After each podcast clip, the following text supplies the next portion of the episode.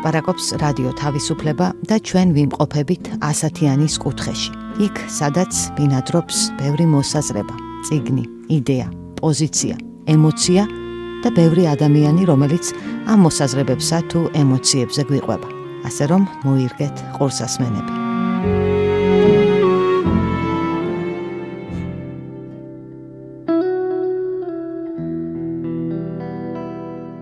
სალამი, მე სალომე ასათიანი ვარ. თქვენ უსმენთ პოდკასტს ასათიანის კუთხე. არსებობს მოსაზრება, რომ ლიტერატურა როგორც ასეთი სულ ორ ამბავს გვიყვება. ვიღაც მოგზაურობაში მიდის, ან სოფელში ჩამოდის იდუმალი უცხო. და ყველა ნაწარმოები ამ ორ ამბავს ეფუძნება. ცხადია ძალიან განსხვავებული აქცენტებით და ფორმით. ეს მოსაზრება თუ სწორია, მაშინ რომანს, რომელსაც ასათიანის კუთხის დღევანდელი ეპიზოდი ეძღვნება, შეგვიძლია არქეტიპული ტექსტი ვუწოდოთ. რადგან ესაა ციგნი რადიკალურად სადა და მარადიული სიუჟეტით. კაცი უცხო მხარეში მამის მოსაძებნად ჩადის. მაგრამ ამ რომანში ნაცნობი, კომფორტული და ადვილი არაფერია. აქ ყველაფერი შფოთვით, დამზაფრველობით, მოულოდნელობის დაძაბული მოლოდინით ფეთქავს. ეს ციგნი მრავალხმიანი მოგზაურობაა ჯოჯოხეთშიო, წერდა სიუზან ზონტაგი, რომელიც ამ რომანს მეოცე საუკუნის ერთ-ერთ შედევრად თვლიდა. სხვებს ამ ციგნის კითხვის პროცესი მოაგონებს გასაღების ძებნას ნაგებობაში, რომლის კედლებიც შენს გარშემო მუდმივად ხმაურით ინგრევა. Vine con mala porque me dijeron que acá vivía mi padre, un tal Pedro Páramo. Mi madre me lo dijo y yo le prometí que vendría a verlo en cuanto ella muriera. კომალაში მაშინ გავემგზავრე, როცა შევიტყვი, რომ იქ ცხოვრობდა მამა ჩემი, ვინმე პედრო პარამო. ეს ამბავი სიკვდილის წინ გამონდო დედამ. მეც აღუთქვი, სადაც არ უნდა ყოფილიყო დაუყოვნებლივ წავსულიყავი და მომენახა. მიცემული სიტყვისთვის მეტი სიმტკიცე რომ მიმეცა მომაკვდავს ხელზე, მაგრად უჭერდი ხელს. კვდებოდა და მზად ვიყავი ყველაფერს შევპირებოდი. იცოდე აუცილებლად ნახე, მარგებდა დედა. კარგად დაიმახსოვრე, სახელად პედრო ჰქვია. გვარად პარამოა. ჯერა გაუხარდება შენი ნახვა. ასე იწყება პედრო პარამო, მექსიკელი მწერლის ხუან რულფოს რომანი, რომელიც პირველად 1955 წელს გამოიცა მეხიკოში. რომანის მშვენიერი ქართული თარგმანი მედია ზუბადალაშვილს ეკუთვნის. ციგნი დაბეჭდილი აქვს გამომცემლობას ციგნები ბათუმში. თხრობელი კაცი სახელად ხუან პრესიადო მომაკვდავი დედის დავალებით უნდა გაემგზავროს რულფოს მიერ გამოგონილ პატარა ქალაქ კომალაში, რადგან იქ ცხოვრობს мама, რომელმაც ცოლი და შვილი დიდი ხნის წინ დაივიწყა. კი არ სწხოვო მოსთხოვე დამიბარა სიკვდილის წინ. მოსთხოვე ის, რაც კანონით გვეკუთვნის და ეს შენ მაინც დაგიბრუნოს, რაც მემერგებოდა, მაგრამ არ მაღირსა. თელი სიცოცხლე არც მე დარჩენ ერთხელაც არ გაგვიხსენა. დაბაშენიცი შვილო რა ძვირადაც დაუსვა. როგორც მეტყვი ისე მოვიქცევი დედა. ხუან პრესიადოსაც და ჩვენს მკითხველსაც გარდაცვლილი დედის ხმა ისევ და ისევ ჩაგვესმის. დედა სულ კომალაზე დარდობს, სულ იქ დაბრუნებაზე ოცნებობს. მის მოგონებებში კომალა სიმწვანეში ჩაფლულ, საღამოს შუქზე თეთრად მოკიაფე ადგილად იხატება. იმ მიწის და ადგილად, რომელსაც ბიბლიაში ღმერთი ებრაელებს აღუთქვამს და სადაც ღვარად მოედინება რძე და თაფლი. უყურებ წვანე ველს. ხედავ ჰორიზონტის სუნთქვა როგორ ახოლია ქარის განაღელვებული ყანის რიტმულ რწევას. როგორ ჩამოსდის წვიმის გამჭვირვალე კულულები სახეზე საღამოს. ის უნთქავ მიწის ფერებს, იონჯის, ახალგამომცხვარი პურისა და ქუჩაბანდებში განფენილ მოტკბო თითქოს და დაღვრილი თაფლის სურნელს. რბილ ჰავასთან ერთად ის უნთქავ აყვავებული ფორთოხლის სურნელებას, რომელსაც დაუჯაბნავს ყველა სხვა სურნელი. ხანდახან კი ხდება ხოლმე, უეცრად გადაივლის ჭეკაქოხილი და აშრიალდება წვიმა. ხედავ გაზაფხული მოსულა უკვე. ბევრი რამ ხდება იმ ხარეში შვილო უეცრად. ამას შენც მალე მიეჩვევი. თუმცა კომალასკენ მიმავალი გზა ხრიოკია და უდაბური. ხვატით გათანგულ ველზე ჰაერი არ იწვის. ცაზე ჩხავილით დაფრინავენ ყვავები. კომალა შორს ველზე მოჩანს, მაგრამ არაფრით გავს დედის მოგონებებში მფეთქავ, თაფლისა და ფორთოხლის სურნელით მოცულ მწვანე ედემს. კომალა უდაბნოა, გავერანებული და დაცარიელებული. ცუდი დრო დაგვიდგა სენიორ, ეუბნება ხუან პრესიადოს მეჯორე კაცი, სახელად აბუნდიო, რომელიც მას გზად დაემგზავრება. ჯერ სათხართ, ჩავალთ კომალაში და ნახავთ. აი იქ ცხელა თუ ცხელა, დედამიწას სიცხის ბუღი ასდის. სიკვდილის მერე კომალა და ნინმე ჯოჯოხეთში რომ მოხვდეს, გეუბნები უკან საბნისთვის მოირბენს, ისეთი გრილი მოეჩვენება იქაურობა. როცა გაიგებს რომ ხუან პრესიადო კომალაში მამის პედრო პარამოს საძებნელად მიდის, მეჯორე აბუნდიო სხვათა შორის ჩაილაპარაკებს. მეც პედრო პარამოს შვილი ვარ. და პრესიადოს კითხვას, პედრო პარამო რა კაციაო? უპასუხებს. სოფიან ძაღლზე უარესი. ხუან პრესიადო აბუნდიო და ჩვენს მკითხველები კომალაში ერთად შევდივართ და მყისიერად ვიკარგებით. აქედან ყველაფერი უცნაური და დამაბნეველი ხდება. კომალა ხრიოკი და უკაცრიელია, მაგრამ იქთან ბევრი მელანქოლიური ადამიანი ცხოვრობს. მის ქუჩებში ისმის საუბარი, კნესა, ყვირილი. ხუან პრესიადოსთან ერთად ჩვენც სტუმრობთ цаრიელ დუმარე სახლებს, სადაც ადამიანები მუდმივად გაუჩერებლად ლაპარაკობენ. ყვებიან თავთავიანთ ამბებს, კომალას ამბებს, სიყვარულის, სისასტიკის, სიღარიბის, ტკივილის, დანაშაულის, ხელმოცარულობის ამბებს. მათ მონათხრობში ისმის ისტორიული მოვლენების გამოძახილიც, მექსიკის რევოლუციის, ქრისტეროსების ამბოხების ეკო. და კომალაში ყოველთვის აუცილებლად ახსენებენ პედრო პარამოს, მამას, რომელიც როგორც თანდათან ცხადი ხდება, არის ბანდიტი, მოძალადე და დაუნდობელი კაცი. ის კომალას მთელ მიწას ფლობს და მას ფეოდალის ყაიდაზე, სასტიკი ბატონივით მართავს. ან მართავდა რადგან ჩვენს მთხრობელს მეჯორე აბუნდიო ჯერ კიდევ კომალაში შესვლამდე ეტყვის პედრო პარამო რახანია მოკვდაო, მაგრამ ამას დიდი მნიშვნელობა არ აქვს. ამ რომანში საკუთრივ დროსაც არ აქვს მნიშვნელობა. царსული და აწმყო ერთმანეთს მუდმივად ენაცვლება.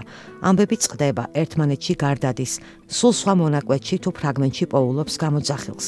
ჩვენთან სადაც უნდა მოხვდე, ყველგან ექოა. ეუბნება ხუან პრესიადოს ქალი სახელად დამიანა. thank you თელ კომალაში გადაძახილ გადმოძახილია. მიდიხარ ქუჩაში და თითქოს ვიღაც წამოგეწიაო. ხან რაღაც ჭრიალი მოგესმება, ხან კაცუნი. ხანაც ვიღაცის სიცილი. ოღონ დიდი ხნის წინანდელი სიცილი. რაღაცნაირი ძალა გამოლეული, შორეული. ხმაც უსტად ისეთია, თითქოს წლობით დახარჯულაო. მაინც ისმის ყოველი ბგერა, ყოველი ფაჩუნი, მაგრამ მე მგონი დადგება დრო და ყველაფერი მიწყნარდება. რადგან კომალაში ყველა მკვდარია. ეს ექო, ეს ხმები, წვეტილი ფრაგმენტული ამბები საიდანღაც მიღმური სამყაროდან მოდის. კუჯრები ერთმანეთს თავთავიანთი კუბოებიდან ელაპარაკებიან. თავად კომალაც ზმანება, აჩრდილების ქალაქია, სადაც სულ იმსხრევა ზღვარი царსულსა და აწმყოს, კუდრებს და ცოცხლებს, რეალობასა და სიზმრებს შორის.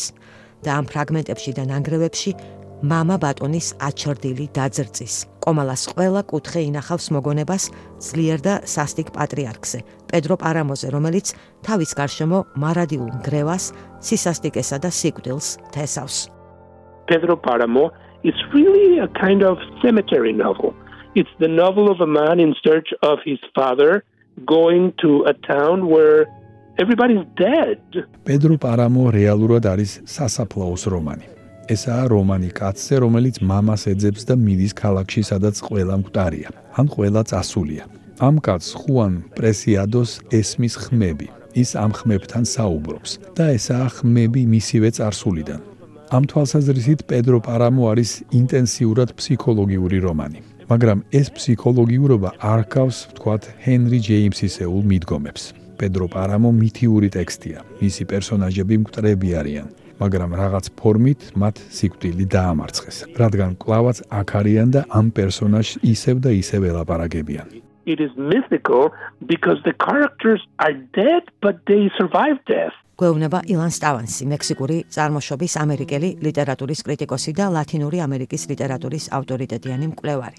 სტავანსი შეერთებული შტატების ამჰერსტის კოლეჯის პროფესორია და ასათიანის კუთხეში ერთხელ უკვე გსტუმრობდა დიდ არგენტინელ წერალზე, ხულიო კორტასარზე სალაპარაკოთ. ხუან რულფოს ჩვენი სტუმარი ახალგაზრდობიდან კითხულობს და იკვლევს და მასვე ეკუთვნის რულფოს მოთხრობების კრებულის ცეცხლმოდებული დაბლობის ინგლისური თარგმანი მითოლოგიასთან, ბერძნულ რომაულ კულტურასთან, ანტიკურობასთან პედრო პარამოს ხშირად აკავშირებენ. გარდაუვალი პარალელებით ჰომეროსისეულ სამყაროსთან, ოდისეასთან, კარლოს ფუენტეს, თავადაც დიდ მექსიკელ წერალს აჩრდილებით დასახლებულ კომალაში ხუან პრესიადოს მოგზაურობა მოაგონებდა ორფევსის ჩასვლას ქვესკნელში. ან ტელემაქეს, რომელსაც დედა პენელოპე გაგზავნის მამის მოსაძებნად. პრესიადოს დედის დოლორესის სახე ამ ინტერპრეტაციაში გვევლინება შეურაცხყოფილ პენელოპეთ. мама პედრო პარამოკი მყიფე თიხის ულისეა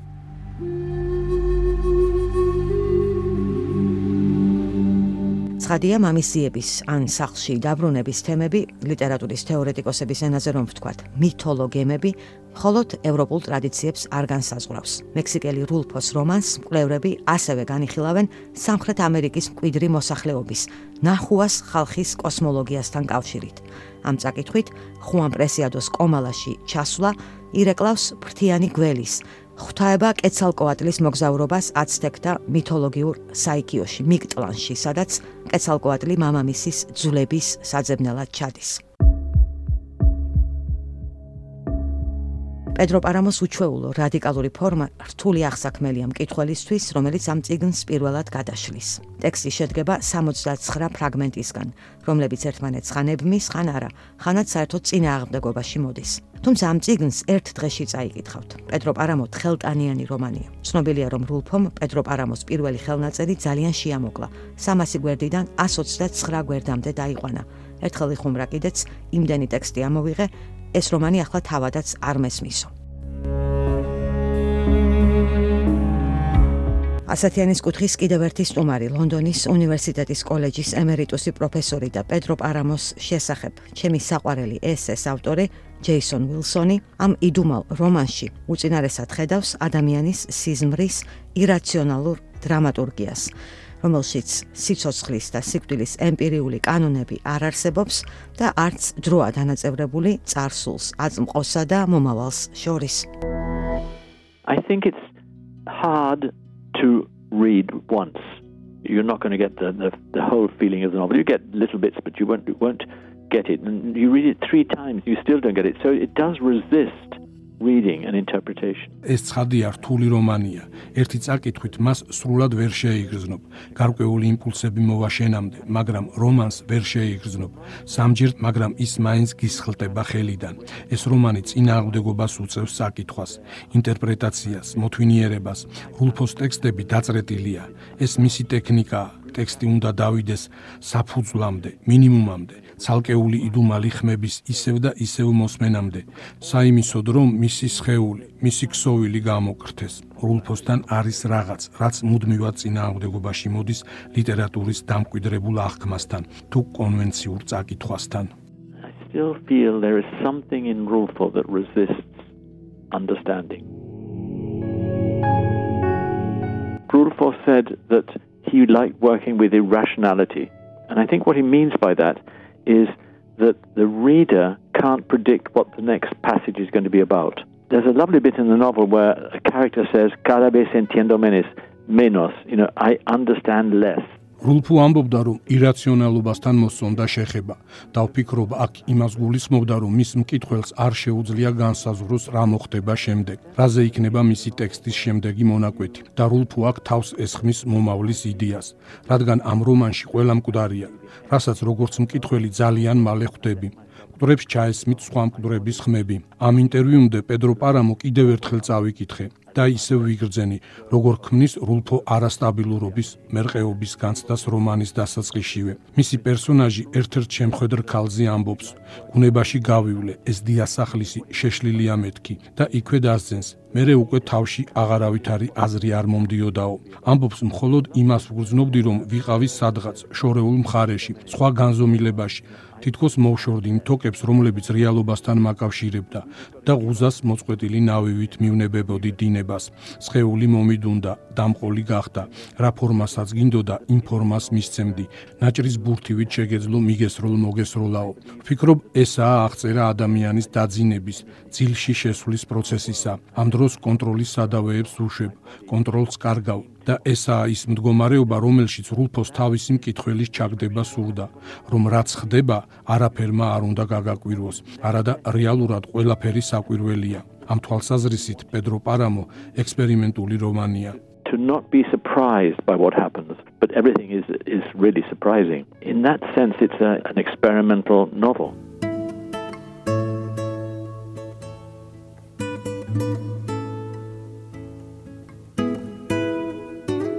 პედრო პარამოს გამოქვეყნებისას ხუან რულფო 38 წლისა იყო და ცოტახნით ადრე მხოლოდ მოთხრობების კრებული ცეცხლმოდებული დაბლობი ჰქონდა გამოცემული. როცა მეხიკოში პირველად დაიბეჭდა მის რომანს განსაკუთრებული ყურადღება არ მიაქციეს. პედრო პარამოზე სულ რამდენიმე ნელთფილი გამოხმაურება დაიწერა და გაყიდვებიც ჩავარდა. თუმცა წლებმა ამ ციგნის ბედისწერა შეცვალა. რულფო, რომელიც პედრო პარამოს გამოსვლის შემდეგ 3 წლეულის განმავლობაში სიჩუმეში ჩაიძირა და სიკვდილამდე რამდენიმე მოთხრობისა და კინოსცენარის მეტი აღარაფერი გამოუქვეყნებია, თავადაც მოესწრო პედრო პარამოს აღიარებას ლეგენდარულ ტექსტად. რომანად, რომელმაც ძლავრი ბიძგი მისცა მთელ ლიტერატურულ მიმდინარეობას. ეგრეთ წოდებულ ლათინურ ამერიკულ ბუმს, თავისი ნობელიანტი მწერლებით და უნიკალური მღელვარე მგრძნობელობით, რომელიც ფანტასტიკურს, მითოლოგიურს, ზღაპრულსა და ფოლკლორულს ფაქტების ფორმით უხამებს რეალისტურ, რაციონალურ თხრობას და რომელსაც მაგიური რეალიზმის სახელით ვიცნობთ.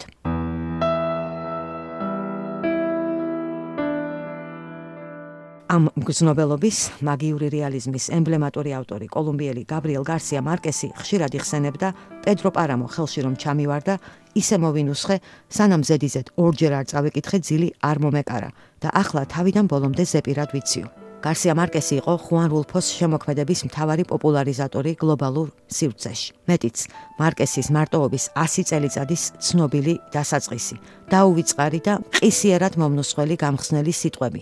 ბევრი წლის შემდეგ დახვრეტის მოლოდინში კედელთან მდგომი პოლკოვნიკი აურელიანო ბუენდია იმ შორეულ საღამოს გაიხსენებს, როდესაც მამამისმა პირველად წაიყვანა ყინულის სანახავად, შესაძლოა სწორედ ხუან რულფოს რომანს მიაგებდეს ჩუმ პატივს, რადგან პედრო პარამოში გვხვდება წინადადება. ბევრი წლის შემდეგ პადრე რენტერია გაიხსენებს იმ უძილო ღამეს. პედრო პარამოს კინოვერსიის გადაღება სურდა ლუის ბუნიუელს. ამ რომანს ლიტერატურის ისტორიის ერთ-ერთ უდიდეს ტექსტად მიიჩნევდა არგენტინელი ხორხე ლუის ბორხესი, მე-20 საუკუნის კლასიკოსი, ფილოსოფიური, ფანტასტიკური, ინტელექტუალური, როგორც ამბობენ ხოლმე, ცერებრალური ტექსტების უბადლო ავტორი. ბორხესი ირონიით ლაპარაკობდა კრიტიკოსების მხრიდან პედრო პარამოს იდუმალების ამოხსნის გაუთავებელ მცდელობებზე და წერდა, რომ ამ რომანის ქსოვილის ამ ცისარტყელის ცალკეულ ანალიტიკურ ძაფებად დარღვევა შეუძლებელი იყო. შეუძლებელი იმიტომაც, რომ ხუან რულფო პარადოქსების ავტორია. მისი ტექსტები თან ძალიან ადგილობრივია და მექსიკის სოფლების ლოკალურ და სპეციფიკურ ატმოსფეროშია დაფუძნებული და თან მუდმივად ატარებს უნივერსალურ, მარადიულ, მითოლოგიურ განზომილებას. როგორც მწერალი, რულფო ლიტერატურული მოდერნიზმის ოსტატია. პედრო პარამოში ის უბადლოდ ქმნის სიურეალისტურ ატმოსფეროს. იყენებს ავანგარდული ლიტერატურის ტექნიკებს, შინაგან მონოლოგს, ცნობიერების ნაკადს, არამყარ, არასანდო და მერყევ მთხრობელს, მაგრამ რულფოს მოდერნისტული მგრძნობელობა ყოველთვის მოიცავს რაღაც პირველ ყოფილს, ფოლკლორული თქმულებებივით პრიმიტიულს. ერთი მკვლევრის სიტყვებით მოდერნისტი რულფო თითქოს დროის სიღრმიდან ლაპარაკობს. გაუზავებელი მიწის არქაული საზარელი ხმით. en realidad fue este eh, considero que es una novela difícil sí muy difícil pero que fue hecha con esa intención de que se leyera la se necesitaba tres veces leerla para entenderla სიმართლე გითხრათ ვფიქრობ პედრო პარამო რთული რომანია. რთულია მაგრამ განზრახ დაიწერა ასე. საიმისოდ რომ გაიგო ის სამჯერ უნდა წაიკითხო. ჩემმა თაობამ ეს ციგნი ვერ გაიგო. მისი დიდად არ დაინტერესდნენ. მაგრამ ახალი თაობა მას აფასებს. ყოველ შემთხვევაში ასე ჩანს ამ ციგნის ახალ-ახალი ტირაჟებიდან. Al menos eso veo por los tirajes que han alcanzado últimamente el libro. ეს თავად ხუან რულფოა. ის პედრო პარამოს გამოსვლიდან დიდი ხნის შემდეგ აძლევს ინტერვიუს მექსიკის ტელევიზიას. Sí, está roto el tiempo y el espacio, ¿no? Y es que pues, se trabajó con muertos y eso facilitó el no, el no poderlos ubicar. ამ ციგნში დრო და სივრცე დაჩახილია. ესაა ტექსტი მკვდარი ადამიანებით და პერსონაჟებით. და ეს ართულებს მისი ატმოსფეროს აღქმას. ყველა ეტაპზე თუ ვერ შეძლებ გაყვე, აქეთ-იქით გადასულებს.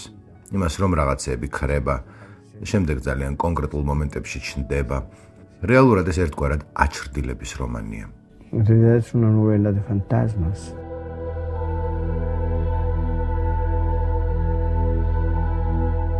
დიახ, ადამიანთა ხმები. აქ სადაც თითქმის არ იყო ჰაერი და არ შეიძლებოდა სუნთქვა ეს ხმები გაცილებით აშკარად ისმოდა.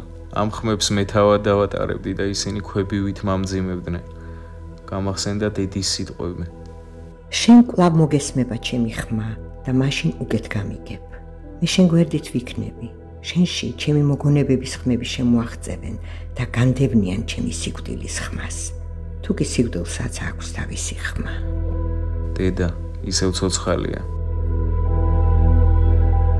აჩრდილების საზოგადოებაში ყოფნა ყოველთვის არაა შიშისა და პანიკის გამომწვევი მდგომარეობა. პირიქით ეს ფიქრის, შეგრძნების წინაპირობა. არ არსებობს შემეცნება მკვდრების მახსოვრობის გარეშე. რაოდენ არაცნობიერი თუ ბუნდოვანიც უნდა იყოს ის. წერს კულტურის ისტორიკოსი نيكოლას როილი, რომელმაც ასათიანის კუთხეში ერთხელ მოგვითხრა მოდერნულ სამყაროში აღძრული შიშის, დამზაფრელის შესახებ. ჩვენი ცოდნა, ჩვენი მოგონებები ყოველთვის თავიდანვე მოცულია იმ ადამიანებით, ვინც აქ ჩვენამდე იყო და ახლა აღარ არის, ვისაც პირადად ვიცნობდით, ან ვისი აზრებიც სამყაროს აღქმაში, ნიშნულობების პოვნაში გვეხმარება. და არც პედრო პარამოა წიგნი უბრალოდ მოჩვენებებზე, ან მორიგი რომანი საშინელებათა ჟანრიდან. ესაა ტექსტი царსულსა და მკვდრებზე, რომლებიც მუდმივ დიალოგში არიან აწმყოსთან და სიცოცხლესთან. I like the original title he gave his manuscript. Los Murmullos, the Whisperers, because whisperers, that's what you hear. And hearing is very important in 4. პედრო პარამოს პირველი სათაური იყო Los Murmullos, ანუ ჩურჩულები, რომელიც მე ძალიან მომწონს, რადგან ამ ციგნში სწორედ ჩურჩული ჩაგესმის. რულფოსთვის ხმა, ხმის მოსმენა ძალიან მნიშვნელოვანია. მის მოთხრობებშიც და პედრო პარამოშიც ბევრი ადგილია, როცა გესმის ძაღლების ყეფა, ქათმების კაკანი. თითქოს სმენით შეგიძლია რეალობის აღქმა. ამ რომანის კითხვისას მუდმივად გიჩდება განცდა, რომ რაღაც ამბავი ცდილობს გამოკვეთას განსხეულებას და საიმისოდ რომ გაიგო ამ ამბავს ყურადღებით უნდა მოусმინო. კომალაში ერთ-ერთმა ქალმა უკვე იცის რომ ხუან პრესიადოს დედა გარდაიცვალა. მას ეს ჩაესმა, ხმამ უთხრა. ამ ხმამ კომალამდე მიაღწია ჯერ კიდევ მაშინ, როცა ხუან პრესიადო გზაში იყო. დიახ ასია. წარსული მკვდრები თან დაგვსდევს, როგორც ტექსტები, როგორც ხმები. Yes, we are haunted by the past as texts and voices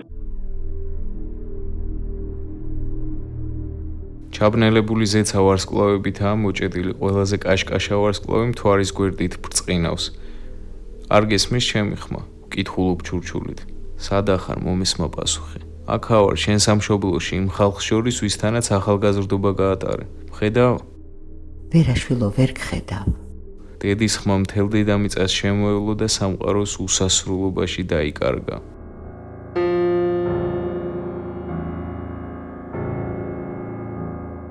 კომალას პატრიარქატის არქაული ძალაუფლების ექო მართავს. პედრო პარამოს ფიგურა ლათინური ამერიკული მაჩოს არქეტიპია. მექსიკის კონტექსტში ის არის კასიკი. ამ ტერმინით სამხრეთ ამერიკის მკვიდრი ხალხები თავიანთ ბელადებს მოიხსენიებდნენ ხოლმე. თუმცა შემდეგ კოლონიური პერიოდიდან ამ ცნებამ ბოსის, უზურპატორის, მიწის მონოპოლისტის, დიდი ძალაუფლების მქონე კაცის უფრო ზოგადი მნიშვნელობა შეიძინა.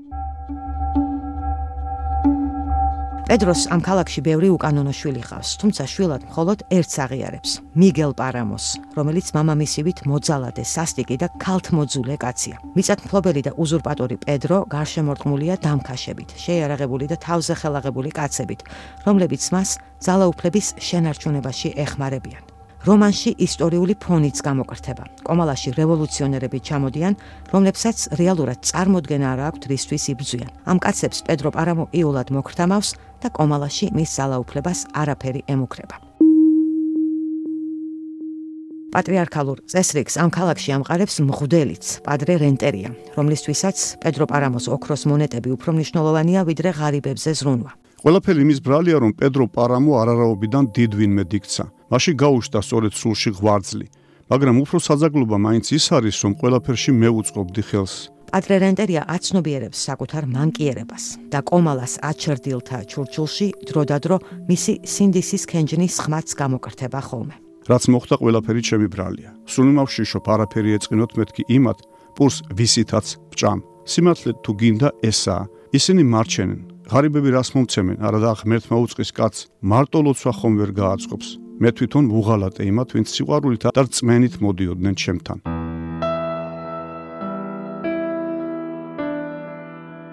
თუმცა ამ რომანის ყველაზე კომპლექსური, ყველაზე საინტერესო და მრავალგანზომილებიანი პერსონაჟები ალბათ არიან ქალები, რომლებსაც რულფო ნიუანსირებულად და დიდი თანაგრძნობით ქმნის. ისინი მთხრობელს ხუან პრესიადოს ბევრ ამბავს უყვებიან დედამისზე, დოლორესზე. რომ ახალგაზრდა დოლორესი პედრო პარამოს სოლი მოტყუებით გახდა, რადგან პედროს მისი ოჯახის ფული უნდოდა, რომ ეს უსიხარულო და უსიყვარულო ქორწინება იყო. დროდადრო ქალები პრესიადოსთვის თავად ხდებიან დედობრივი ფიგურები. ჩემთვის შემგვიძლი შვილი ვეთხარ, რამდენჯერ მithქვამ საკუთარი თავისთვის, სადაც სამართალია დოლორესის შვილი ჩემი უნდა ყოფილიყო მეთქი, მაგრამ მე კი არა დედა შენს გაუჩნდი. თუმცა ნამდვილად შემთხვევის ბრალია მე რომ არ გავხდი დედა შენი. ეუბნება პრესიადოს ედუვიხესი, რომელმაც ერთღამეს დედამისი პედრო პარამოს ლოგინში შეცვალა და თითქმის გახდა კიდეც პრესიადოს დედა. ჩნდება დამიანა, რომელიც პედრო პარამოს მამულში ასიან და მედია ლუნაში მზარეულად მუშაობდა. პედროს საყვარელი იყო და სრდიდა მის შვილებს, მიგელს და მოკლეხნით ჩვენს მთხრობელს, ხუან პრესიადოსაც. მე არ ვარ დონია ედუვიხესი, დამიანა ვარ. გავიგე, აქა ყოფილხარ და მოვედი. ღამე ჩვენთან დარჩი. სულ თოთო მახსოვ ხარ. მადლობთ, წამოვალ თქვენთან. აქ ყვირილი არ მასვენებს. აქ ეთყობა კედელში ეკოა ჩარჩენილი ამოქოლილი. შენს ოთახში ოდესღაც სტორიბიო ალდრეტე ჩამოახჩვეს, თუმცა მას შემდეგ კარგად რო გავიდა. პრესიადოძე ზრუნავს დოროთეაც, რომელიც ვერასოდეს გახდა დედა. რამდენ წელს მელანდებოდა რომ თითებით ვეხებოდი ჩემი შვილის მძინარ წამწამებს.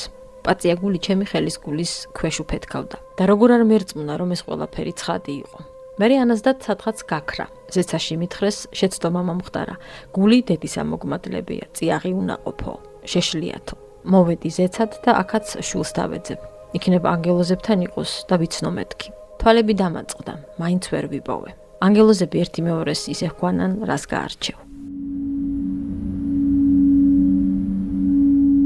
ქალების ამ გალერეაში უცნაურად რადიკალური პერსონაჟი სუსანა სანხუანია, რომელიც პედრო პარამოს ბავშვობიდან უყვარს. ამ რომანში პედრო პარამოს ხმა თუ ისმის ის ძირითადად ამ ქალზე და მისით თავის შეპყრობილობაზე ლაპარაკობს და ეს მოულოდნელად მგრძნობიარე ტკივილიანი სიტყვები უცნაურ კონტრასტში მოდის ამ პირქუში და სასტიკი პატრიარქის სახესთან.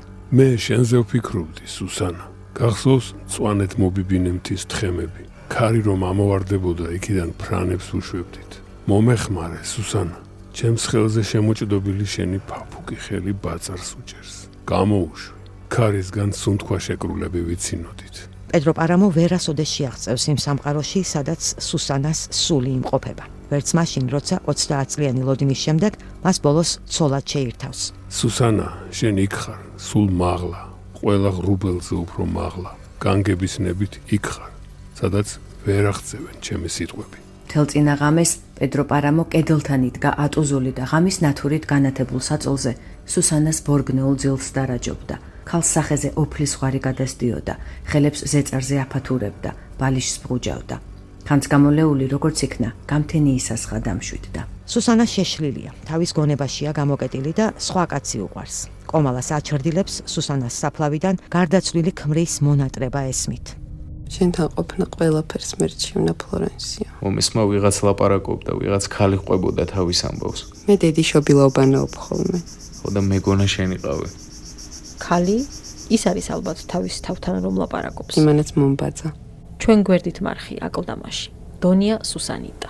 გაიხადა ტანისამოსი და ბანაობის შემდგომ სანაპიროზე რომ გამოვიდა ფოსფორიანი წყლისგან კანი უბრწყინავდა. ჩანს ნესტმა მაგასთანაც შეაღწია და წილში წრიალებს. პედრო პარამოს უკანასკნელი ცოლია. მაგაზი ამბობდნენ შეშლილიაო. ფეხებს მის ფეხებს შუა მალავდი. გათოშილი ყინულივით ცივი ტერფების მითბებოდა თითქოს ღუმელში შემეწყო, სადაც პური ოქროს ფრათი ბრაწებაო. ის კი სიყვარულით მკბენდა ფეხებზე. ზოგიერთი კი იცავდა შეშრილობისა არაფერი სჭირსო, მაგრამ რაც მართალია, მართალია. სიცოცხლეში ვეშჩეოდა საკუთარ თავთან ლაპარაკი. თავისი ღია მგრძნობიარე და ეროტიკული მიმართებით სუსანა სანხუანი მარადიულ დაუმორჩილებულობას უცხადებს პედრო პარამოს, პადრე რენტერიას, კომალას პატრიარქალურ წესრიგს. გლოვაში და აგონიაში ჩაძირული ის თავად ღმერთსაც საყვედურს ეუბნება. როგორ გეხვეწებოდი უფალო? დაიცავი და დაიფარე მეთქი. მარტო ამას გემუდარებოდი, მაგრამ შენ ოღონდ ჩვენი სულები შეიწირო. მე კი მისი სული კი არა, მისი სხეული მსურდა. შიშველი. სიყვარულით აგზნებული და სურვილმოძალებული. I found when I read the novel first time, I found the Susana San Juan scenes a bit sentimental. And then when I just read it, I found no, I thought it was quite realistic. როცა ეს რომანი პირველად წავიკითხე, სუსანა სან ხუანის სცენები ცოტა სენტიმენტალურად მომეჩვენა, თუმცა ამ ჯერზე ასე აღარ აღმიქვავს. პირიქით, ისინი რეალისტურია და სუსანას მღელვარე და შეშლილ გრძნობებში აღწევს. მაგრამ პედრო პარამო ვერასოდეს გაიგებს, როგორ ხედავს სამყაროს სუსანა სანხუანი. ის მის შინაგან ცხოვრებას ვერ ხედავს, ისევე როგორც სუსანა ვერ ხედავს პედრო პარამოს. კაცის პერსპექტივიდან სუსანა შეშლილი, გამოკეტილი ქალია, მაგრამ მას აქვს თავისი სიზმრები, ხილვები, მღელვარე სამყარო და ამ რომანის მღელვარე, გზნობიარე ეროტიკული ცენტრია სუსანას მოგონებები დინარესთან ჩასვლა სიშიშვლე სექსი დინარის ნაპირას. In a way the erotic center of the novel is her memory of going down to the river and making love and taking her clothes off. გვეუბნება ჯეისონ უილსონი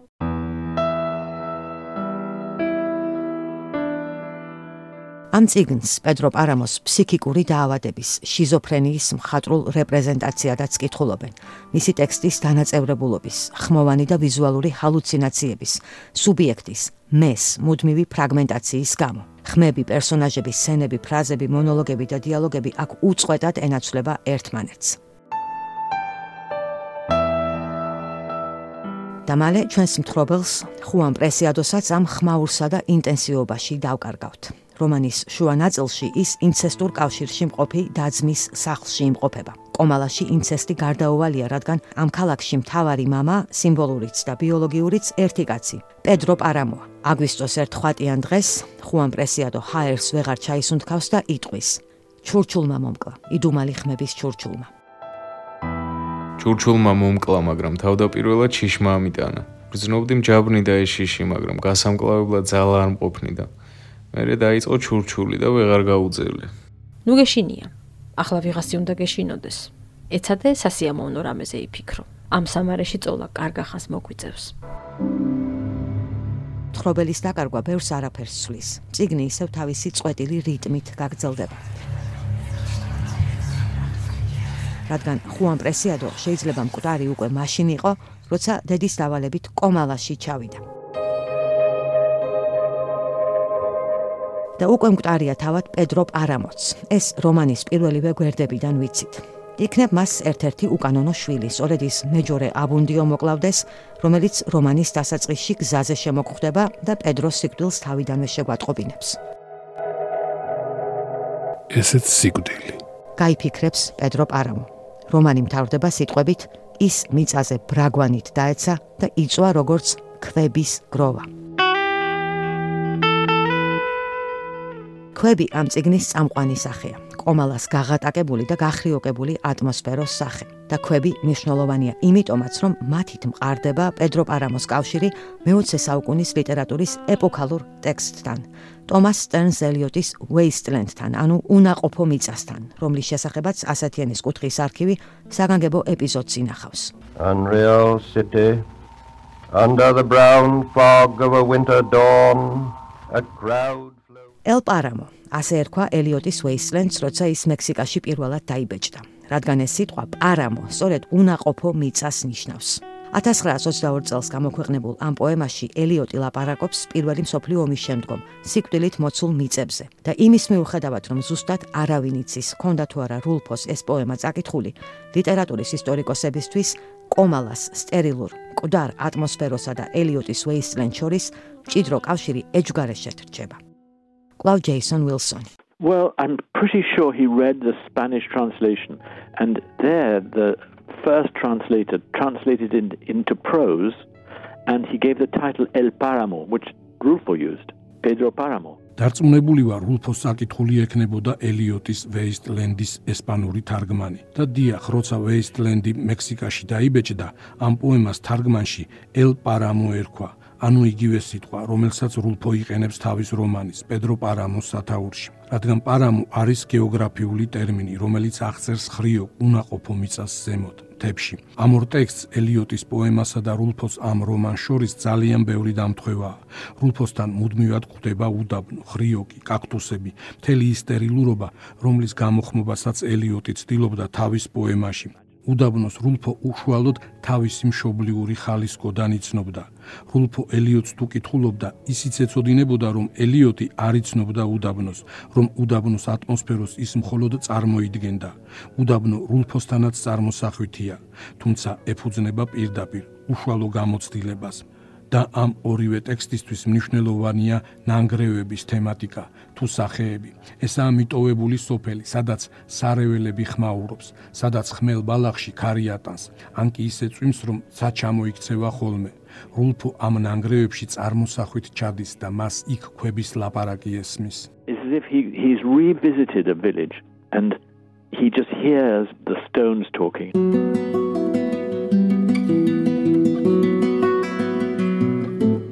პედრო პარამოს რულფოს მექსიკელობითაც ხსნიან იმ სპეციფიკური კულტურული მიმართებით, რომლითაც მექსიკელები სიკვდილს ეკიდებიან. ბევრს ალბათ ტელევიზიით მაინც გვინახავს სხვადასხვა ფორმის და ჭრელი ფერების ჩონჩხები, რომლებიც მექსიკის გარემოსთვის განუყოფელი დეკორატიული ელემენტია. გვინახავს მათი ტრადიციული მკვდრების დღის სურათებიც.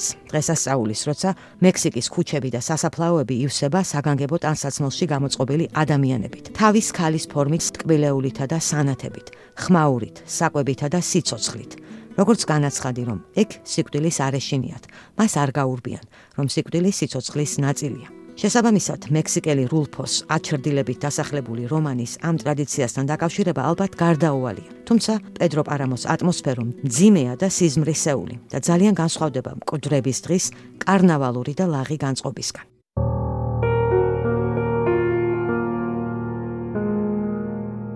პედრო პარამოში ხედავენ დანტეს ღვთაებრივი კომედიის გამოძახილსაც, ბმას, დანტესეულ ჯოჯოხეთსა და განსაცმენდელს და რულფოს კომალას შორის, სადაც აჩერდილები სამუდამოდ გამოკეტილნი რჩებიან, გადარჩენის უიმედო მოლოდინით. თავად რულფო ლიტერატურული შთაგონების წყაროთ ხშირად ასახელებდა ჩრდილოევროპელ ავტორებს, კნუტ ჰამსუნს, ჰალდორ ლაქსნეს, ლიტერატურის ისტორიკოსებს პედრო პარამო მოაგონებს დოსტოევსკის ბობოქს, შავი იუმორით გაჯერებულ მოთხრობას, რომელშიც ჭმუნვით შეპყრობილი მწერალი სასაფლაოზე აღმოჩნდება და ისმენს როგორ ელაპარაკებიან ახლახან დასაფლავებული, განსხვავებული ხასიათის და შეხედულებების მკვდრები ერთმანეთს თავიანთი საფლავებიდან. პედრო პარამოს მასაზრდოებელ ტექსტად ასევე ასახელებენ ჩილელი მწერალი ქალის, ჩემი აზრით სათანადოდ დაუფასებელი, ბრწყინვალე მარია ლუიზა ბომბალის რომანს ქალი სუდარაში. რომელშიც ქალი სიკვდილის შემდეგ იღვიძებს და თავისი ოჯახისა და მღვდლების რეპრესიულ ატმოსფეროს უჯანყდება. და აუცილებლად ასახელებენ უილიამ ფოლკნერს, გადამწყვეტი მნიშვნელობის ავტორს, როგორც რულფოსთვის, ისე გარსია მარკესისთვის. თავისი მძიმე ბედისწერით დაგდასმული პერსონაჟებით, დამარცხების ტრაუმული ისტორიებით, ღელვარე ასოციაციური შინაგანი მონოლოგებითა და პარალელური სიმბოლური გეოგრაფიით. იოკნაპატოფას გამოგონილი ოლქით მისისიპიში, რომელიც როგორც რულფოს კომალაში ისე გარსია მარკესის მაკონდოში ირეკლება. ხუან რულფო 1917 წელს დაიბადა ხალისკოში, მექსიკის მთიან და მკაცრ რეგიონში. მიწის ფლობელების, ბიუროკრატების და იურისტების ოჯახში. თუმცა ოჯახი მან ადრევე დაკარგა. რულფოს ბავშვობა დაემთხვა მექსიკის ხანგრძლივი და სისხლიანი რევოლუციის შემდგომ პერიოდს, როცა ქვეყანაში შეერაღებული ჯგუფები დაძრწოდნენ და განუკითხაობასა და ქაოსს თესავდნენ. რულფო იყო ქრისტეროსების ამბოხების მომსწრეც. ომის, რომელსაც კათოლიკე ეკლესია და მორწმუნე გლეხები აწარმოებდნენ ეკლესიისა და სახელმწიფოს განცალკევების, რევოლუციის შემდგომი მექსიკის სეკულარიზაციის ოფიციალური პოლიტიკის წინააღმდეგ. რულფო 6 წლის იყო, როცა მამამისი ჩენო მოკლეს. რამდენიმე წელიწადში გარდაიცვალა რულფოს დედაც, ახალგაზრდა ქალი მარია. დადიოდა ხმები, რომ ახლად დაქვრივებულმა მარიამ ქმრის მკვლელი რამდენჯერმე დაინახა ქუჩაში და მისმა გულმა ტკივილს ვეღარ გაუძლო. რულფომ რამდენიმე წელი ობლების თავშესაფარში გაატარა. შემდეგ ნათესავების სახლებს აფარებდა თავს. ზრდასრულობაში რულფო სხვადასხვა სამსახურში მუშაობდა: თავრობის ადმინისტრაციაში, მიგრაციის სააგენტოში, საბურავების მრეწველობაში. და იყო ფოტოგრაფი. მექსიკის სოფლებში მის მიერ გადაღებული შავთეთრი და შთამბეჭდავი ფოტოების სერია, რომლის ინტერნეტში მოძებნასაც ყველას გირჩევთ, ირეკლავს მისი ლიტერატურის დამზაფრელ ატმოსფეროს. დროის და ისტორიის მიერ გაჩანაგებული სახლების ნანგრევებით, გარინდებულობაში ჩაძირული ადამიანებით, ველური ხრიოკი და თითქოს პირველყოფილი ბუნებით უზარმაზარი კაქტუსებით. კლავ ილან სტავანსი. Rulfo himself comes from a family that was very secretive, was prone to silences. თავად რულფოს მისი ოჯახის ისტორიიდანაც ახასიათებდა მიდრეკილება გასაიდუმლოებისკენ, სიჩუმისკენ. ის იშვიათად იძლეოდა ინტერვიუებს, იყო სიტყვაძუნწი. მის ფიგურასთან დაკავშირებული იდუმალება მან დიწილად თავად შექმნა. რულფო ამბობდა, რომ ყველაფერი, რისი გაგებად საჭირო იყო, იყო საკუთრივ წიგნში და მას, როგორც ავტორს, არაფრის დამატება აღარ შეეძლო. მნიშვნელოვანია ისიც, რომ რულფო წარმოშობით იყო მექსიკის ხალისკოს რეგიონიდან, რომელიც თავისთავადაა ძალიან ჩუმი, ჩაკეტილი, კუშტი რეგიონი. ხალისიენტეები, ანუ ხალისიენტეს ხალხი მკაცრი, უტყვი ხალხია და რულფოს თავშეკავებულობა ამ מחასიათებელსაც ირეკლავდა. ხალისკო პატარა და მკაცრი ადგილია და მის ხალხს ახასიათებენ კუშტ, შურის მაძიებელ ძალადობრივ ადამიანებად. თავად რულფოც ასეთი ოჯახიდან იყო. მამამისი მოკლეს, როცა რულფო ძალიან პატარა იყო. მალევე გარდაეცვალა დედაც. რულფო ერთდროს ფიქრობდა ინჟინრის კარიერაზე, მერე ადვოკატობაზე. მას არ ჰქონდა მიღებული ისეთი ოფიციალური განათლება, როგორიც ამ რეგიონის სხვა მწერლებს. ვარგას ლიოსას მაგალითად დოქტორის ხარისხი აქვს მადრიდის უნივერსიტეტისგან. რულფო დიწილად თვითნასწავლი კაცი იყო და მისი უნივერსიტეტი იყო პარამო, ხალისკოს სოფლების უნაყოფო მშრალი მიწა. მას ჰქონდა ძალიან თავმდაბალი გონება. მისთვის მთავარი იყო ნებისმიერ ფასად დაგვირვებოდა თავის გარშემო არსებულ ტკივილიან რეალობას. მექსიკის ხალისკოს რეგიონში. ის ძალიან ყურადღებით, გაფაციცებით უსმენდა არამხოლოდ იმას თუ როგორ ლაპარაკობდნენ ამ რეგიონის ადამიანები, არამედ ამ ადამიანების შინაგანი ემოციების მღელვარებასაც. A man who listened attentively, very closely, very meticulously to not only how people spoke, the turbulence of their inner emotions.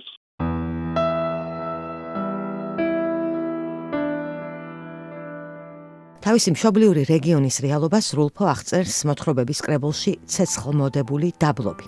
ესაა დაუნდობელი გეოგრაფიული ლანდშაფტის და მარგინალებად გადაქცეული ადამიანების რეალობა, რომელშიც პროგრესის თუ მოდერნიზაციის ცნებები სამუდამო უიმედობითაა დაღდასმული. ასია მაგალითად მის მოთხრობაში ლუვინა, რომელშიც ქალაქელი მასწავლებელი ოჯახთან ერთად საცხოვრებლად გადადის შორეულ, ხრიოკ და გაღატაკებულ მხარეში, ლუვინაში, რათა იქაური ხალხი გაანათლოს.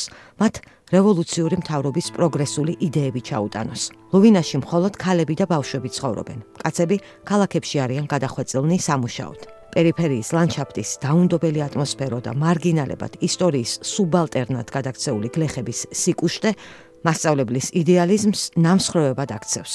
წლების შემდეგ ის დაქანცული, დეპრესიული და მარტოსულია და ალკოჰოლით ცდილობს ლუვინაში მიღებული მძიმე გამოცდილების დავიწყებას.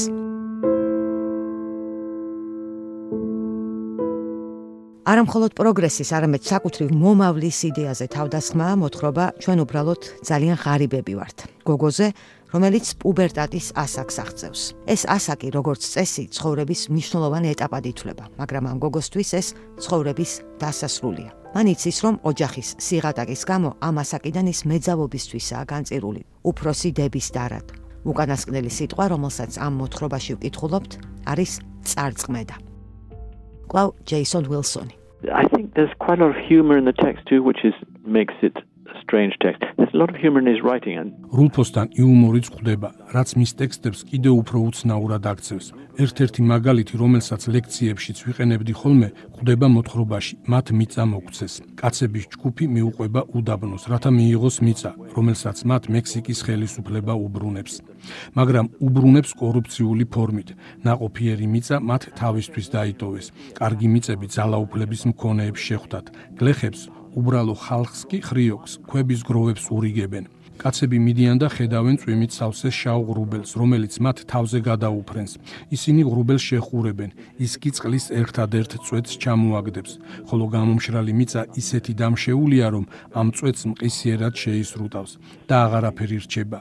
ესაა ძალიან ძლიერი, თითქმის შავი იუმორით დაწერილი აღწერა იმ სიმშრალისა, რომელიც ამ მიწებზია. რულფო ხშირად გამოიხმობს სექიას, ანუ გვალვას და წყალს, წყლის მას. წყალი მასთან ძალიან მნიშვნელოვანია.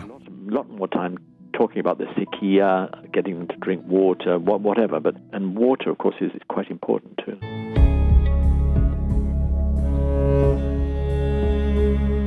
რულფოს მოთხრობების ენა მოკლე, ინტენსიურად მინიმალური, ლამის ტელეგრაფიულია. ზოგიერთი მოთხრობა თითქმის მთლიანად დიალოგებისგან შედგება, თუმცა ესაა უკიდურესად სიტყვაძუნწი დიალოგები, რომლებიც სწორედ ლაკონიურობით ამბობს ბევრს.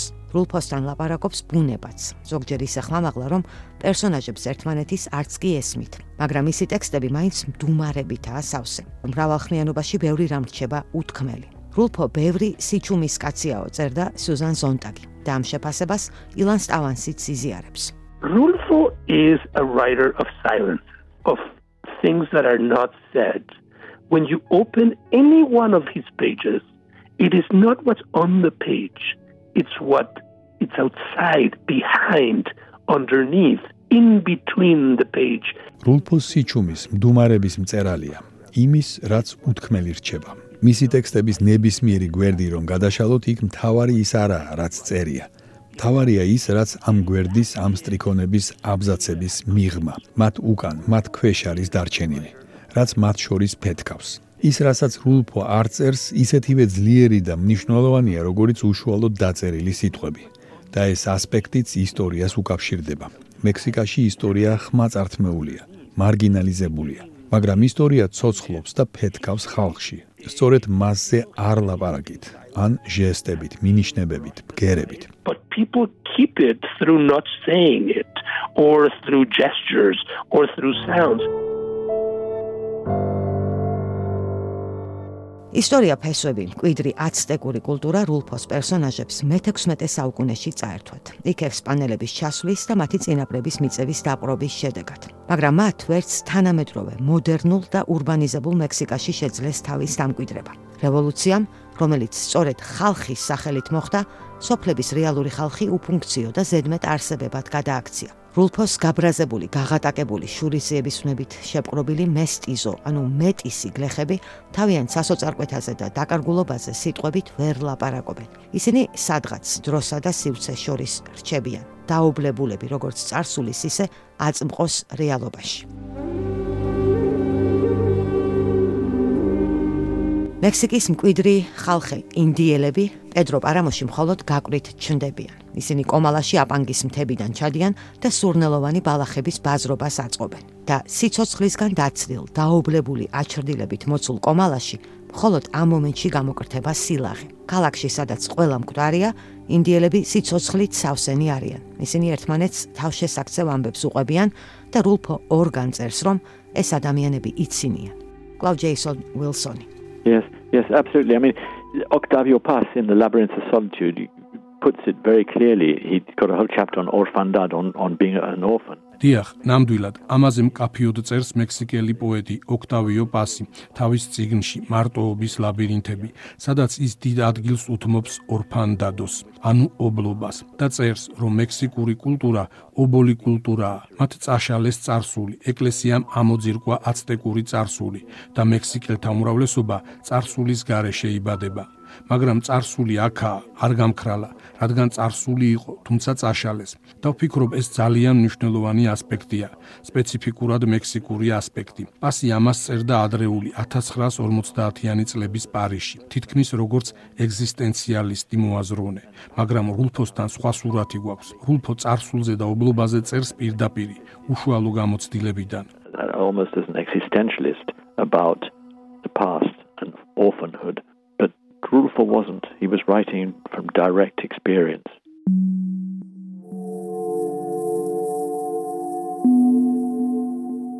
მამის ფიგურის, მამის ძიების, გაუცხოებული დაკარგული თუ მკვდარი მამის სახეებიც რულფოსთან ამ ისტორიული ობლობიდან, ორფანდადოდან მომდინარეობს. არამხოლოდ პედრო პარამოში მის მოთხრობებშიც.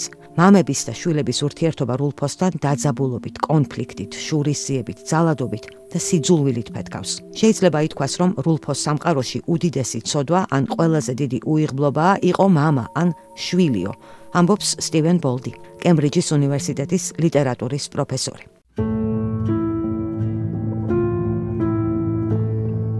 რულფოს მოთხრობებში ვხვდებით შეძლებულ, მაგრამ აპათიურ და დისტანციურ მამას, რომელიც უარს ამბობს დაეხმაროს გაღატაკებულ შვილს. ხვდებით მამას, რომელიც საკუთარ თავს შვილების სიკვდილში ადანაშაულებს, რადგან მათთან არ იყო და ისინი არ დაიცვა. მოთხრობაში მატილდე არქანგელის მემკვიდრეობა მამა შვილს იმ უბედური შემთხვევის გამოწვევაში ადანაშაულებს, რომელმაც მისი ცოლი ბავშვის დედა იმსხვერპლა. ამის გამო მამა ბიჭს სემს და აშიმშილებს, რაც ბოლოს შვილის მხრიდან ოიდიპალური შურისძიებით თავდება. მამაშვილის კავშირი ალბათ ყველაზე შემზარავი და თან გულის მომკვლელია მოთხრობაში არ გესმის ძაღლების ყეფა, რომელსაც რულფოს უპირობო შედევრად მიიჩნევენ. თავისი ცენტრალური კინემატოგრაფიული სახით, მამით, რომელსაც მომაკვდავი შვილი თვარის შუქზე ზურგით მოკიდებული მიხავს, რომ ექიმთან მიიყვანოს ქალაქში, სადაც ძაღლები ყეფენ. მამის ეს მზრუნველი სახე დამზაფრელ კონტრასტს ქმნის ტექსტთან, რომელსაც მამა შვილს მთელი მოთხრობის განმავლობაში ეუბნება. მამას შვილი ძულს, რადგან შვილი ბოროტო მოქმედი, ბანდიტი და კაცის მკვლელია.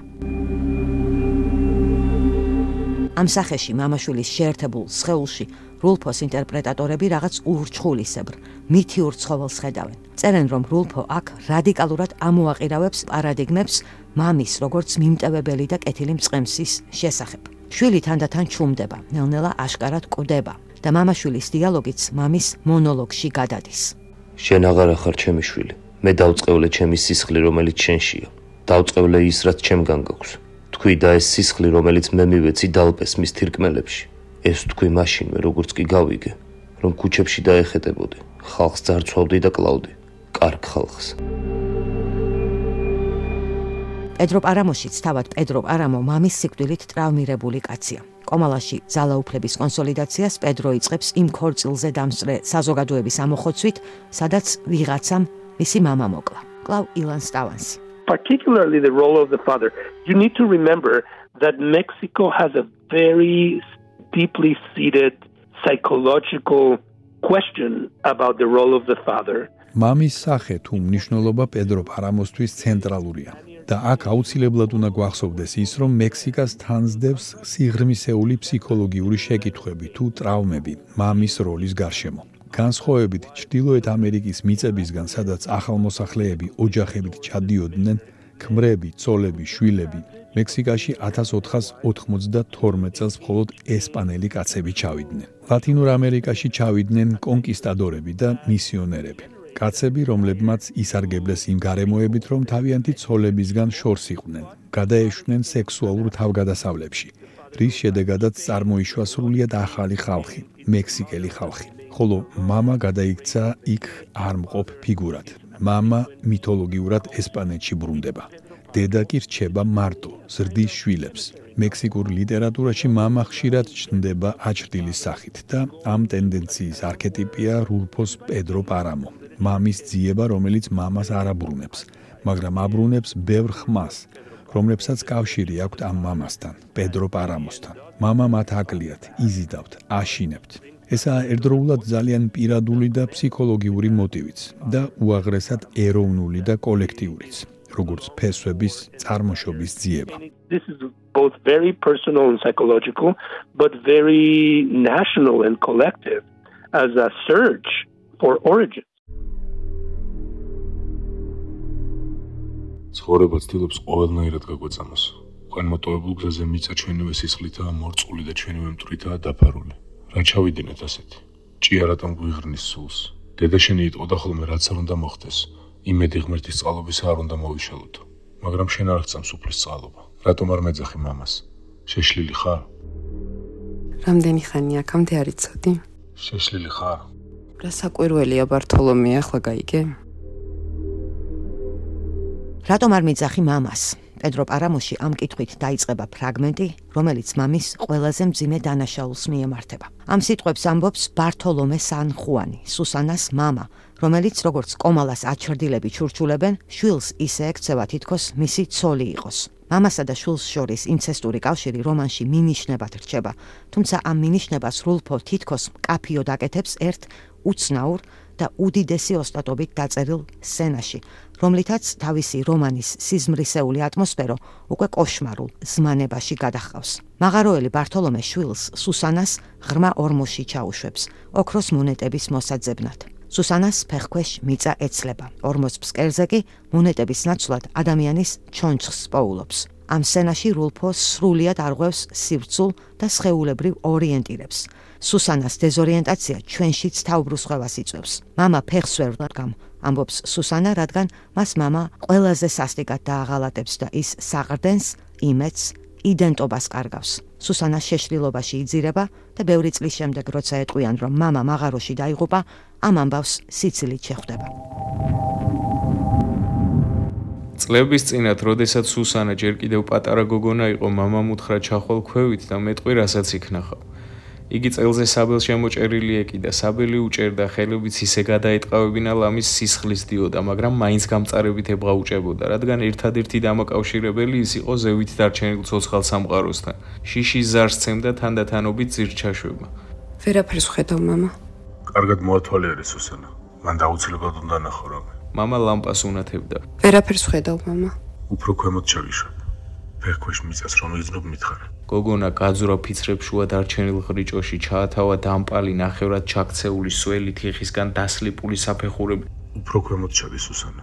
აუცილებლად ნახავ რასაც გეუბნები. ისიც ეშვებოდა და ეშვებოდა ქვემოთ, თითქოს და გიგანტის საქანელათი უფსკრულის პირზე ქანაობდა. ფეხებს აცეცებდა და ნიადაგს ეძებდა. ფეხის დასადგმელი არსად არის. შემდეგ რაც მოხდა აღარ ახსოვს. გრძნობაზე რამდენიმე დღის შემდეგ მოვიდა და პირველი რაც დაინახა, მასზე მიშტერებული მამის გაყინული მზერა იყო. მივხვდი რომ ეს შენი ყავი ბერთოლომე. აი რატომ იცინოდა ახლა?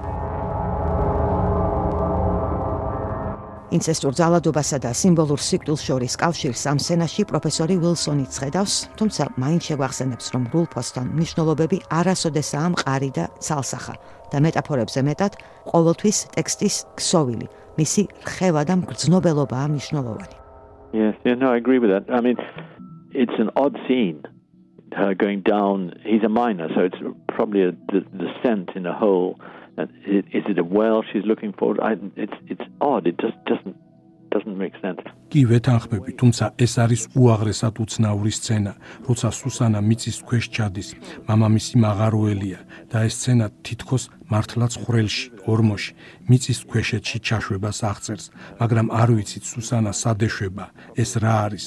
ჭა? თუ სხვა რამ, ამ სცენაში ყველაფერი დამზაფრველი და უცნაურია და ამიტომაც გიბიძგებს იმისკენ რომ ის აღვიქვათ მეტაფორად, მაგრამ არ ვარ დარწმუნებული რომ თავად რულფოს მეტაფორები უნდოდა, რადგან მეტაფორის ინტერპრეტაციას ტექსტის გარეთ გავყავართ, თუმცა ამას ზოგადი მნიშვნელობის სახით ვამბობ, რადგან ავტორები ალბათ არ არიან საუკეთესო მგზამკვლევები თავიანთ წიგნებში.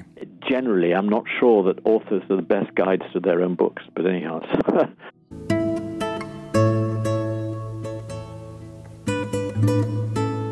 ხუან რულფო 1986 წლის 7 იანვარს 68 წლის ასაკში კიბოთი გარდაიცვალა მეხიკოში. პედრო პარამოს გამოქვეყნების შემდეგ ის კარჩაკეტილი ცხოვრებით ცხოვრობდა. ბევრს არაფერს აქვეყნებდა, თუმცა მუდმივად დადიოდა ხმები, რომ რულფო ახალ რომანს წერდა.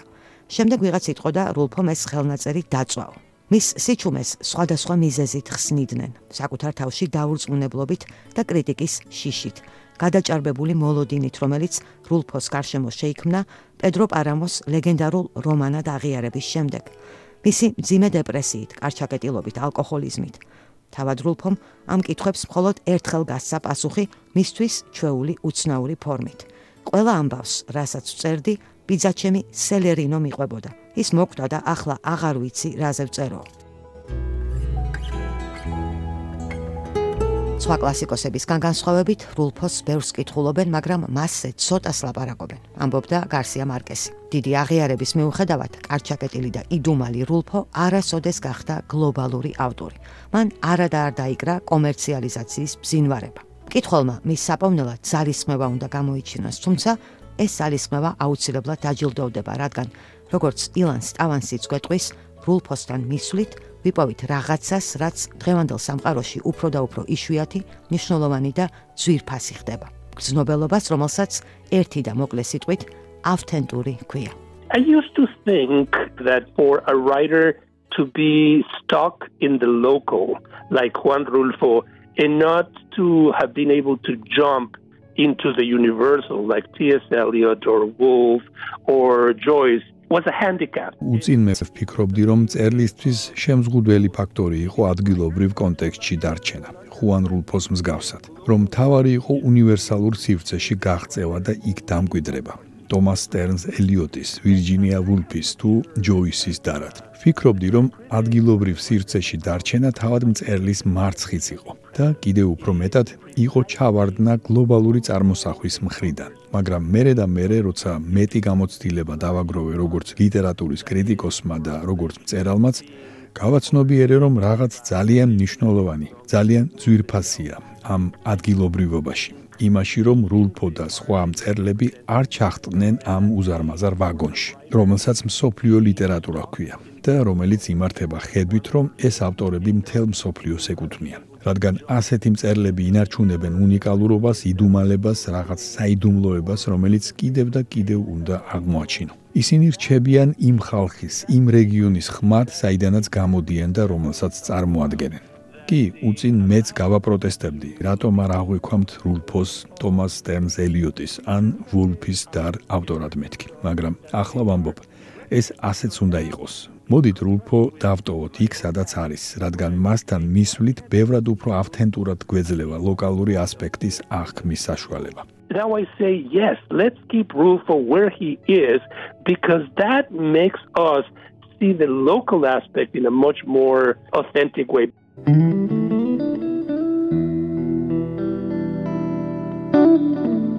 დღეს ამით გემშვიდობებით. ტექსტის რედაქტირებისთვის დიდ მადლობას უხდი ბიძინა რამიშვილს. ამ ეპიზოდში მინდოდა ცოტათი მაინც ამესახა რულფოს ტექსტების მრავალხმიანობა და გახმოვანებაში ბევრ ახლობელს ვთხოვე დახმარება. კოლეგებს, ოჯახის წევრებს, მეგობარ მსახიობებს. დახმარებისთვის დიდ მადლობას უხდი ბიძინა რამიშვილს, ჯიმშერ რეხვიაშვილს, გიორგი წერეთელს, ირმა სოხაძეს, ხუან კარლოს ჰერერას, თაკი მუმლაძეს, გიორგი ბოჭორიშვილს, თემო რეხვიაშვილს, ბექა ხაჩიძეს, ნინო თარხნიშვილს, კობა ლიკლიკაძეს, ოქროპირ რუხაძეს, ეკა ქევანიშვილს, სოფო ზერაგიას, ნატა ასათიანს და ნიკო ნერგაძეს. თქვენს მადლობას გიხდით მოსმენისთვის და ყურადღებისთვის. მე სალომე ასათიანი ვარ. მალე ისევ შევხვდებით ასათიანის კუთხეში.